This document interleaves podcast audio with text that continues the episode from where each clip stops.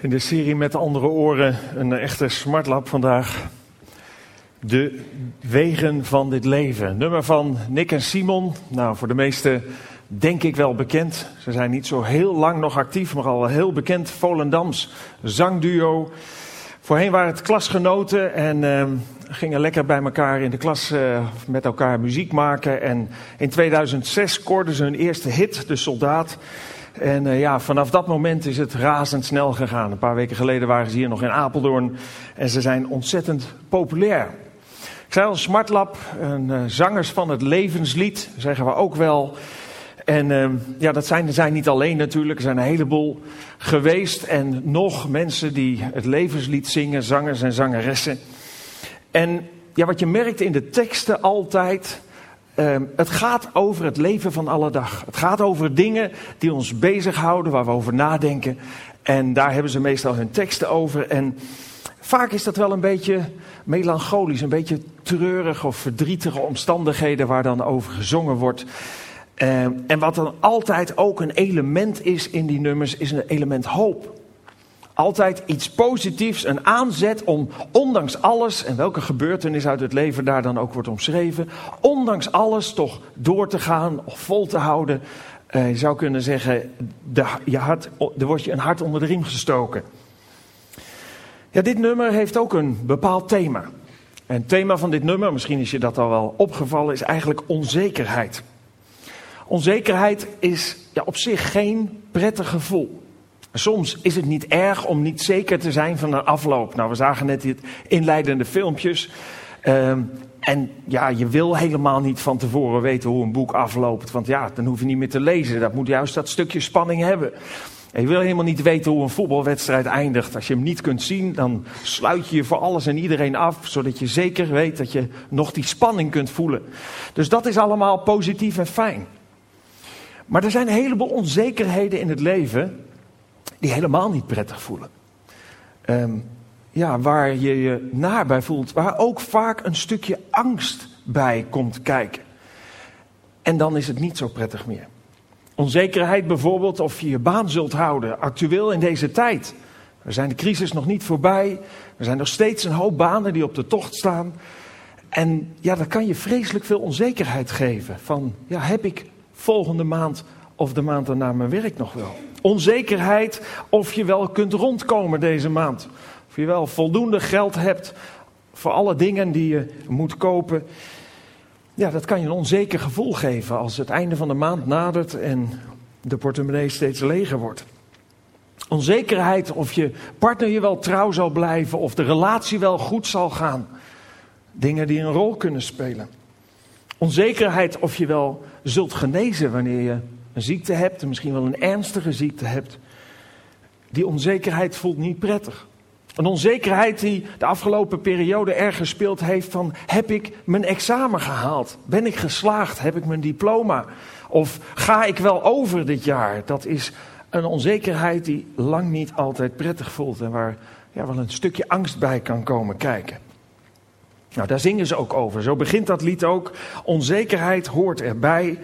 Maar laat het los, het duurt alleen maar langer en het maakt je banger. Nou, daar zit een kern van waarheid in natuurlijk. Onzekerheid is onlosmakelijk verbonden met het leven. Iedereen heeft momenten van onzekerheid in zijn leven.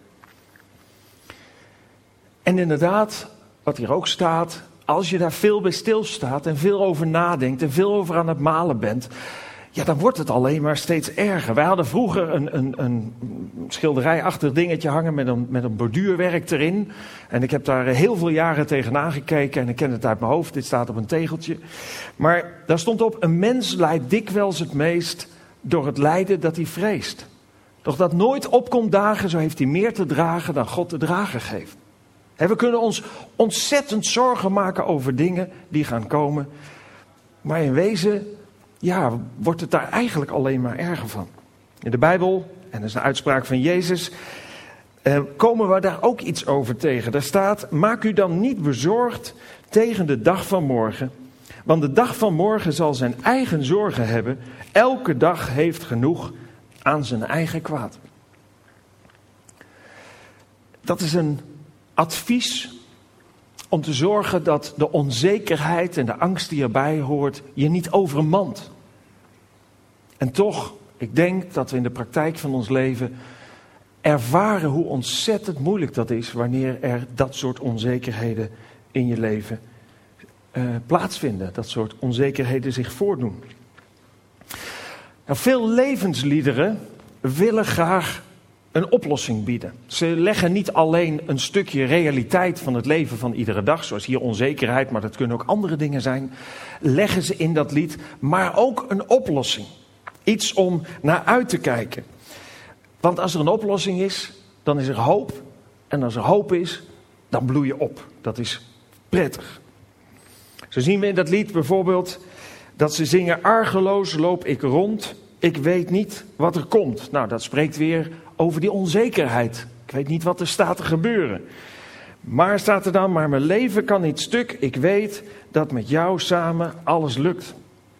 Hier wordt eigenlijk in het lied een liefdesrelatie of een relatie tussen mensen um, als een hoopgevende oplossing gegeven. Nou, als je dan niet weet waar je naartoe onderweg bent, dan heb je elkaar in ieder geval. En dan kun je daar samen doorheen. Of iets verderop in de tekst zongen ze: Maar ik ben rijk, ik ben vrij. Als ik geniet van elk moment dat ik mag leven, zijn mijn angsten opgeheven. Hier is genieten van het leven zoveel mogelijk, is de hoopgevende oplossing voor ja, misschien wel die onzekerheid die je voelt in je leven. En dat is mooi als dat gezongen wordt. En dat is fijn als je dat mee kunt zingen.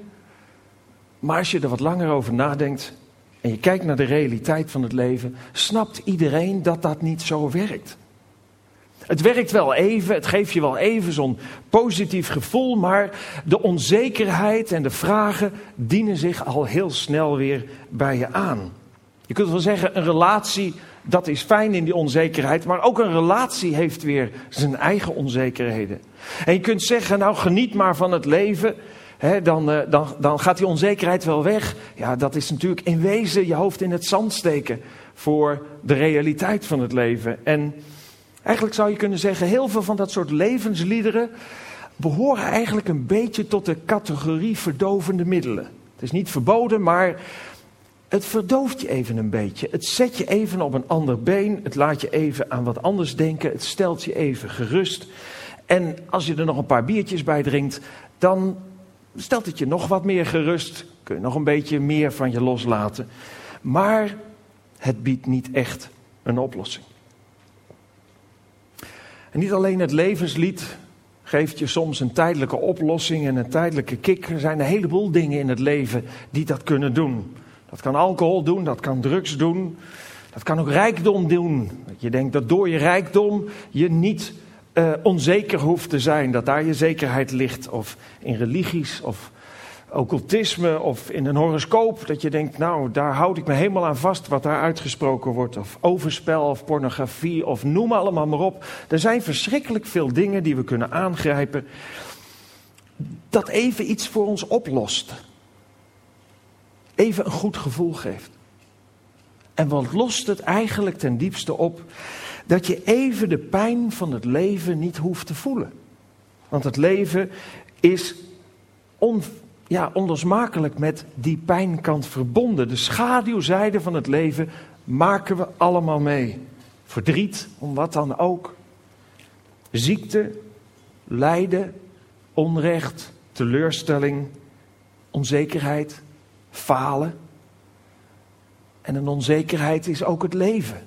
Omdat we weten dat ook eens de dag en niemand weet wanneer de dood zich aandient. Dan kan je één ding met zekerheid zeggen. Zo heeft God het niet bedoeld. Toen God de wereld schiep, toen God de wereld maakte met alles wat erop is, toen had hij niet bedoeld dat er mens daar zou leven in angst en in verdriet en met onzekerheid, met, met een dreigende dood. Als we helemaal in het begin van de Bijbel lezen in het boek Genesis, dan staat er: God keek naar alles wat hij had gemaakt, naar alles wat hij had gemaakt en zag dat het zeer goed was. Het werd avond en het werd morgen. Het was de zesde dag. Aan het einde van de schepping, aan het einde van wat God allemaal gemaakt heeft, het land, de zee, de hemel, de bomen, de planten, de dieren, de vissen, de mens, keek God ernaar en hij zag dat het zeer goed was. En we weten vast wel hoe het verhaal verder ging. De mens die zich liet verleiden om te zondigen, die zich liet verleiden door het kwaad, de tegenstander van God, de Satan. En vanaf dat moment deed met het kwaad al die negativiteit zijn intrede in de wereld waarop we leven. De mens koos ervoor om te rebelleren tegen God met dramatische gevolgen wat we nu vandaag nog steeds ondervinden. En dan kun je zeggen, ja, dat is ook niet eerlijk. als Adam en Eva zo'n blunder maken en God niet de eer geeft die hem toekomt, zitten wij nog steeds met de gebakken peren. Maar het is niet alleen Adam en Eva. We hebben deze tekst een aantal weken achter elkaar al voorbij zien komen. Nee, de Bijbel zegt alle mensen hebben zich van God afgekeerd. Alle mensen. Niemand uitgezonderd. Ze zijn met elkaar de verkeerde weg opgegaan. Niemand doet wat goed is, zelfs niet één. En we mogen van geluk spreken dat God zich niet heeft afgekeerd van deze wereld. Nee, we leven gelukkig in een wereld nog steeds waar mooie dingen gebeuren. Omdat God bij deze wereld en onze mensen nog steeds betrokken is en betrokken wil zijn. Maar een wereld waar ook verschrikkelijke dingen gebeuren. Een wereld waar de macht van Gods liefde zichtbaar is, maar ook een wereld waar de macht van de haat van het kwaad zichtbaar is. En te midden van dat alles leven wij en zien die beide kanten van goed en kwaad en leven met de zekere verwachting eens te zullen sterven. Eens dit leven achter ons te laten. Niemand ontkomt daaraan. En dat zeg ik niet om je bang te maken of om je aan het schrikken te maken, maar dat zeg ik in wezen om, om je wakker te schudden.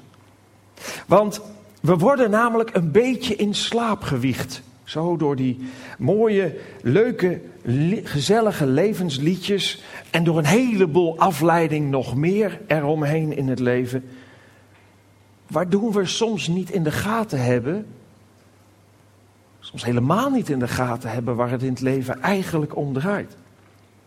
En zonder dat we het in de gaten hebben, en daar waarschuwt Gods woord ons voor, lopen we onze ondergang tegemoet.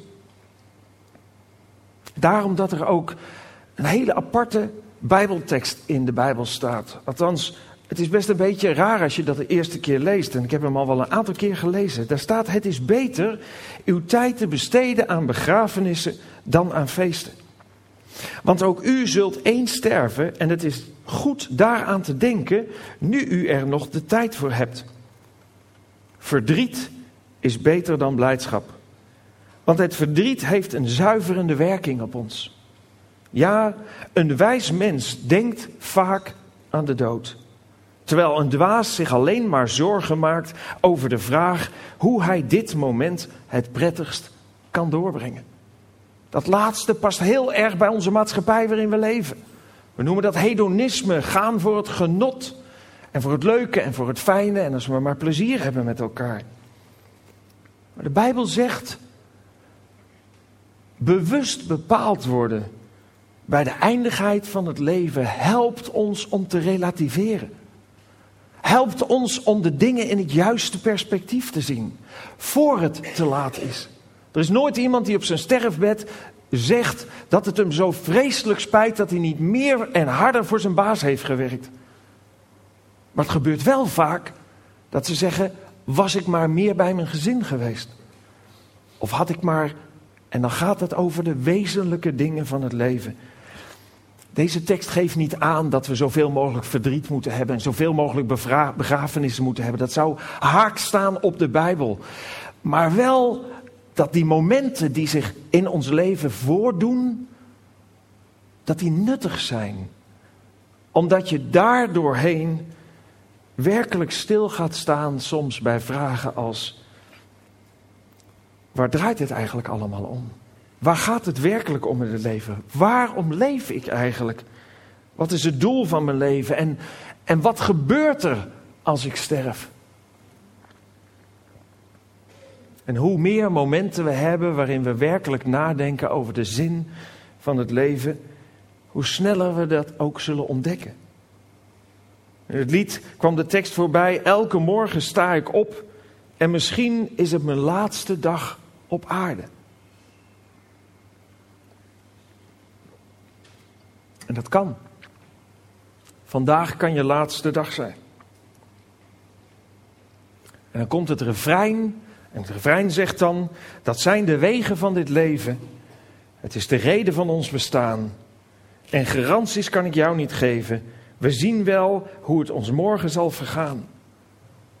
Nou, puur alleen maar leven om te sterven is niet de reden van ons bestaan. En misschien is het heel goed om na te denken over, over het leven, over de wegen van het leven en over de reden van je bestaan. Het liedje heet Het zijn de wegen van het leven. En Jezus zei dat er twee wegen zijn. Hij zegt: gaat in door de enge poort. Dat betekent niet dat het eng spannend is, maar smal. Gaat in door de enge poort. Want wijd is de poort en breed de weg die tot het verderf leidt. En velen zijn er die daardoor ingaan. Want eng is de poort en smal de weg die ten leven leidt. En weinigen zijn er die hem, die hem vinden. En waarom zijn er zo weinig die die weg, die smalle weg en die poort naar het leven vinden? Niet omdat God die weg verstopt heeft. Of die poort verstopt heeft. Nee, dat komt omdat er zo ontzettend weinig mensen naar op zoek gaan. Blijven in de sleur van het leven onze ellende een beetje toedekken door van alles en nog wat. Maar God zegt niet dat hij die poort verstopt heeft. God zegt wie zoekt zal vinden de zin van het leven en het leven zelf. Eigenlijk zegt Jezus, er is een weg die via allerlei aantrekkelijke verleidingen, al feestend en genietend, leidt tot de ondergang. Dat betekent niet dat je geen feest mag hebben, niet mag genieten, maar er is wel iets wat daar bovenuit stijgt. En er is een weg die leidt naar God toe. Naar de bron van het leven, naar de bron van liefde. Naar het einde van ieders zoektocht. En we zijn allemaal zoekers. We willen allemaal geluk. In wezen zoeken we God, ook al weten we het soms niet. Is het einde van ieders zoektocht. En ook het einde van de onzekerheid. Omdat God je de zekerheid van eeuwig leven wil geven. Als je Hem hebt gevonden. En die weg, die weg heeft ook een naam. Net zoals alle straten, alle wegen in Apeldoorn een naam hebben. Deze weg heet Jezus Christus. Het was Jezus zelf die zei: Ik ben de weg, de waarheid en het leven. Niemand komt tot de Vader dan door mij. En waarom kan Jezus deze exclusiviteit claimen? Buiten alle geloven en religies die er zijn omdat hij de enige is die als mens zonder zonde leefde en zijn leven gegeven heeft als losprijs voor jou en mijn zonde. God heeft hem uitgekozen om te sterven aan het kruis, om daarmee ons, onze zonde te betalen, daarmee voor ons te lijden en ons te redden uit de klauwen van het kwaad. En hij is het ook alleen. Die de gebroken relatie tussen God en de mens, tussen God en jou, tussen God en mij kan herstellen. Je komt niet bij God. Je komt niet terug bij God. Je komt niet in relatie met God door goede werken te doen, door je best te doen. Het is fijn om goede dingen te doen. Maar het brengt je niet bij God in de eerste instantie. Je komt niet bij God via rijkdom. Je kunt je, je zaligheid, je eeuwigheid niet kopen. Je komt niet bij God via van allerlei mediums of occulte stromingen. Je komt zelfs niet bij God door een kerk te bezoeken. Je komt alleen door, bij God door het offer van de Heer Jezus Christus te aanvaarden voor de zonde van jouw leven en de keuze te maken om Hem te willen navolgen. Hem gehoorzaam te zijn. Sommige mensen willen graag bewijs. Het bewijs dat God bestaat, het bewijs dat Jezus Christus deze dingen heeft gedaan. En er zijn een heleboel bewijzen. Er zijn een heleboel boeken over geschreven. Peter, Peter Bruin schreef bijvoorbeeld um, um, Geen geloof zonder bewijs. Of Bewijs genoeg is ook zo'n boek. En zo zijn er nog een heleboel. De Bijbel heeft verschrikkelijk sterke papieren. Het wordt archeologisch bevestigd. Het wordt vanuit de geschiedenis geschiedkundig bevestigd. Het wordt bevestigd ook door profetieën over dingen die er in de Bijbel staan, die honderden, soms duizenden jaren van tevoren zijn gezegd en die letterlijk uitkomen. Er is geen enkel geloof te vinden op de hele wereld die deze papieren heeft. Zo heb je hier een lijst met 55 profetieën die alleen maar gaan over het leven van Jezus, over zijn geboorte, waar hij geboren werd, wanneer hij geboren werd, hoe zijn leven zou verlopen. De oudste voorspelling is 4000 jaar voor zijn geboorte gegeven, de jongste voorspelling 400 jaar voor zijn geboorte. En alles is letterlijk uitgekomen. En zo zijn er nog een aantal voorspellingen die lopen, zou je kunnen zeggen, die nog uit gaan komen. God is duidelijk genoeg als je het wilt zien. En de ene zal die weg van dat rationele en, en de bewijzen willen bewandelen. En de andere zal zich meer via zijn gevoel laten leiden. Maar via welke manier je ook bij Jezus komt, uiteindelijk is de keuze om zijn offer te aanvaarden en hem gehoorzaam te zijn in je leven voor iedereen even moeilijk.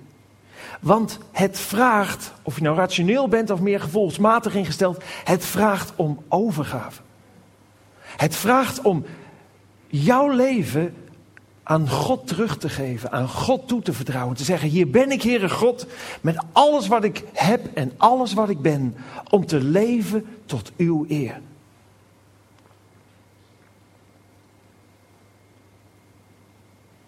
Er zijn meer dan genoeg mensen die zeggen dat ze christen zijn. Maar er in de praktijk helemaal niet naar handelen. Helemaal niet overeenkomstig Gods woord leven. Dat noemt de Bijbel doodgeloof. Dat is niks waard. Dan is jouw acceptatie van het offer van de Heer Jezus Christus niks meer dan een fars, een, een inhoudsloos. Nee, het is het offer aanvaarden en Hem navolgen. Jezus zei het zelf op deze manier. Niet en ieder die tot mij zegt, Heere, Heere, zal het koninkrijk der hemelen binnengaan. Maar wie doet de wil van mijn Vader die in de hemelen is. Daar komt het op aan. Niet wat je zegt maakt je tot christen, maar wat je doet. En dat begint bij het offer, het aanvaarden van Gods offer. En vervolgens het Hem willen navolgen in je leven. En je kunt pas ten volle Gods liefde ervaren. En zijn nabijheid en zijn troost. En je kunt pas echt die relatie ervaren als je je leven in zijn hand legt en hem wil navolgen. Daar word je echt gelukkig van. Dat heb ik in mijn eigen leven zo ervaren. Ik heb jaren en jaren geleefd met één voet in het geloof, één been in de wereld en één been, of één been in het geloof en één been in de wereld. Eén kant vond ik het, ja, wat met God te maken had, alles daaromheen wel heel aantrekkelijk en interessant.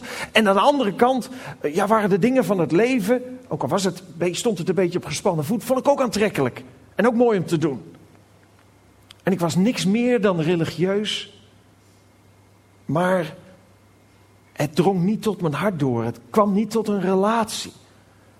Tot op het moment waarop ik besloot om mijn leven aan God te willen geven. Het offer van de Heer Jezus Christus wilde accepteren en Hem wil navolgen. En dat betekent niet dat ik daarna alles goed deed. Nee, er gaat geen dag voorbij dat ik niet dingen verkeerd doe. Maar dan mag ik weten dat God genadig is en vergeving schenkt voor zonden waar ik berouw over heb. Het volgen, het navolgen van Jezus Christus en Hem gehoorzaam zijn betekent niet dat je alles goed doet. Het betekent dat je je naar uitstrekt om alles goed te doen. Dat je het verlangen hebt om het goed te doen. En dat je dingen die niet goed zijn in je leven probeert uit te bannen. Dat is een uitgangspunt waarin God je ten volle als zijn kind kan aanvaarden. Je leven kan geven.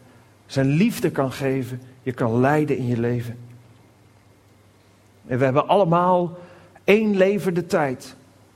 Om te bepalen waar we in eeuwigheid zullen zijn. En we weten helemaal niet hoe lang die tijd is. De Bijbel staat: eenmaal moet de mens sterven en daarna volgt het oordeel. En ook dit is niet een tekst die in de Bijbel staat om je bang te maken. Nee, dit is een tekst die in de Bijbel staat om je wakker te schudden. Er wordt zo vaak negatief aangekeken tegen God en tegen de kerk en tegen de Bijbel. Waarom? Omdat er een heleboel wetjes en regeltjes in staan. Dingen die je wel en niet mag en wel moet en niet moet doen. Omdat er soms ja, hel en verdoemenis wordt gepreekt, zeggen we dan wel. In wezen, als je erop focust, zijn al die regels en al die wetten en al die dingen die voor ons zo dreigend over kunnen komen, datgene waar Gods liefde achter schuil gaat. Er staat geen regel of wet in de Bijbel die God niet heeft gegeven omdat hij van je houdt. Omdat hij wil dat je gelukkig bent. Er staat geen, geen enkel dreigend woord in de Bijbel met niet de intentie om je wakker te schudden en te zeggen: waar ben je in vredesnaam naartoe onderweg? Doe dat niet.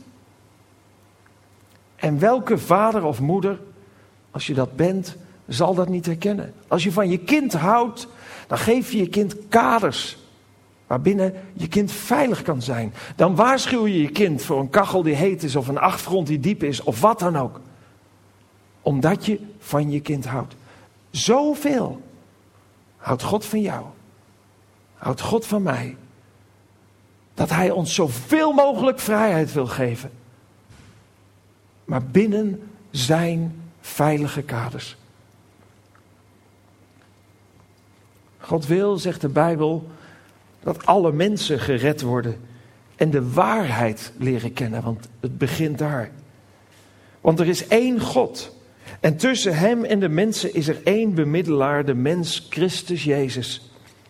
Hij heeft zichzelf gegeven als losprijs voor alle mensen. Op de vastgestelde tijd heeft Hij getuigenis afgelegd van Gods wil om de mensen te redden. het lied zongen Nick en Simon. Wij zijn nietig. Wij zijn klein en machteloos. Het lot bepaalt ons leven. Je moet je overgeven. En dat is precies waar de Bijbel ons toe uitnodigt om ons over te geven. Dat stukje klopt in die tekst. Wat niet klopt is dat het lot elders bepaald wordt en dat je maar gewoon moet laten gaan. We zijn klein en machteloos. Nee, in wezen heb je het lot in handen. Jezus Christus strekt zijn handen naar jou uit en wil je redden uit deze wereld, uit, deze, uit dit verderf. Wil je halen van die brede weg naar die smalle weg toe. Je kunt vandaag Jij kunt vandaag kiezen voor een relatie met God door de Heer Jezus Christus. Voor troost, voor leven met een hoofdletter. Voor een toekomst zoals God het heeft bedoeld. Niet hier op aarde. Hier op aarde komt het niet goed. Dit blijft goed en kwaad tegenover elkaar. Nee, God heeft gezegd: Ik maak een nieuwe hemel en een nieuwe aarde. Een plek waar geen plaats meer is voor dood en verderf en verdriet en pijn en teleurstelling. Geen schaduwzijde, nee, een plek waar God aanwezig zal zijn zoals Hij het heeft bedoeld. En toen 2000 jaar geleden deze boodschap ook klonk, toen van Petrus, daarover lezen we in de Bijbel, toen ze dit hoorden, waren ze diep getroffen en vroegen aan Petrus en de andere apostelen, wat moeten we doen, broeders? Petrus antwoordde, keer u af van uw huidige leven en laat u dopen, onder aanroeping van Jezus Christus om vergeving te krijgen voor uw zonde. Dan zal de Heilige Geest u geschonken worden, want voor u geldt deze belofte, evenals voor uw kinderen en voor alle die ver weg zijn en die de Heer onze God tot zich zal roepen. Daar horen wij ook bij. Ook op nog andere wijze legde hij getuigenis af, waarbij hij een dringend beroep op zijn toehoorders deed met de woorden: Laat u redden uit dit verdorven mensengeslacht. En die uitnodiging klinkt nu, 2000 jaar later, nog precies zo. Laat je redden uit dit verdorven mensengeslacht. En de manier waarop dat hier ging en wordt aangereikt is de keuze die je maakt om het offer van de Heer Jezus Christus te aanvaarden. Hem te willen navolgen en dat eigenlijk zichtbaar te maken. Dus niet alleen maar zeggen, maar ook een daad bij het woord voegen. Zichtbaar maken door je te laten dopen. Een doop die eigenlijk twee kenmerken in zich heeft. Het, heeft. het is een symbool, een van God gegeven krachtig symbool. Met twee kenmerken. Ten eerste, wanneer je volledig onder water gaat, is het zoals in Romeinen 6 staat, alsof, alsof je begraven wordt. Het, het, het water sluit zich boven je. En je komt weer omhoog uit het water. Als het ware uit de dood opgestaan. Je ontvangt nieuw leven. Het tweede wat het symboliseert is wat water in de Bijbel altijd symboliseert, is een teken van reiniging. Afwassing van zonde. Natuurlijk niet letterlijk, een symbool daarvan. En God roept ons ook vandaag op om Wanneer je nooit eerder hebt laten dopen als volwassene. Om die keuze te maken, om het offer van de Heer Jezus te aanvaarden. Misschien heb je dat al lang geleden gedaan. Om dat te bekrachtigen met het symbool wat God daarvoor gegeven heeft. En dat kun je gewoon doen. Je hoeft daar geen gesprekken voor te hebben, of een afspraak voor te maken, of, je gewoon, of voor aan te melden. Dat ging in de Bijbel ook niet zo. Petrus doopte de mensen die die keuze maakten. Johannes de Doper doopte de mensen die die keuze maakten. Toen gewoon buiten. Altijd mooi weer daar. Wat dat betreft hadden we het vandaag buiten kunnen doen. Maar gewoon. Zoals je hier bent. Als God je aanraakt. Als je voelt dat Hij je roept om tot deze belangrijke keuze in je leven te komen. Doe het dan. We gaan straks een lied zingen met elkaar. En Tijdens dat lied heb je de gelegenheid, we gaan eerst nog bidden, heb je de gelegenheid om tot deze keuze te komen. En als je dat wilt, loop dan door die klapdeuren daar. Er zijn mensen die je opvangen. Er is kleding. We sturen je niet met een nat pak naar huis. Er is kleding dat je aan kunt trekken, zodat je straks je eigen kleren weer aan kunt doen. Als je wilt, kun je vandaag die belangrijke stap in je leven zetten. Zullen we bidden? Dank u wel, Heere God, dat ja, u ook nu in 2010 nog steeds uw hand naar ons uitstrekt. Dank u wel dat u nog steeds het verlangen uitspreekt door uw woord. Dat we gered worden uit deze wereld die dreigt onder te gaan en die onder zal gaan. Dat u ons wilt overbrengen van de duisternis naar het licht, van de dood naar het leven. Dat u ons ons wil vervullen met uw liefde en rust en, en vrede. Heer, u kent ons allemaal zoals we hier zitten. U kent ons hart.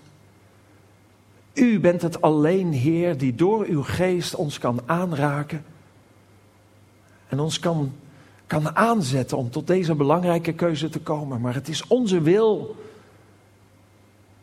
die u daarin niet voorbij gaat. Heer God wil u zo bidden. Of u ons daarin wilt leiden. Heer, dat we deze belangrijke stap zetten. En daar u ook mee eren en verkondigen. Dat vragen we u zo in Jezus' naam. Amen.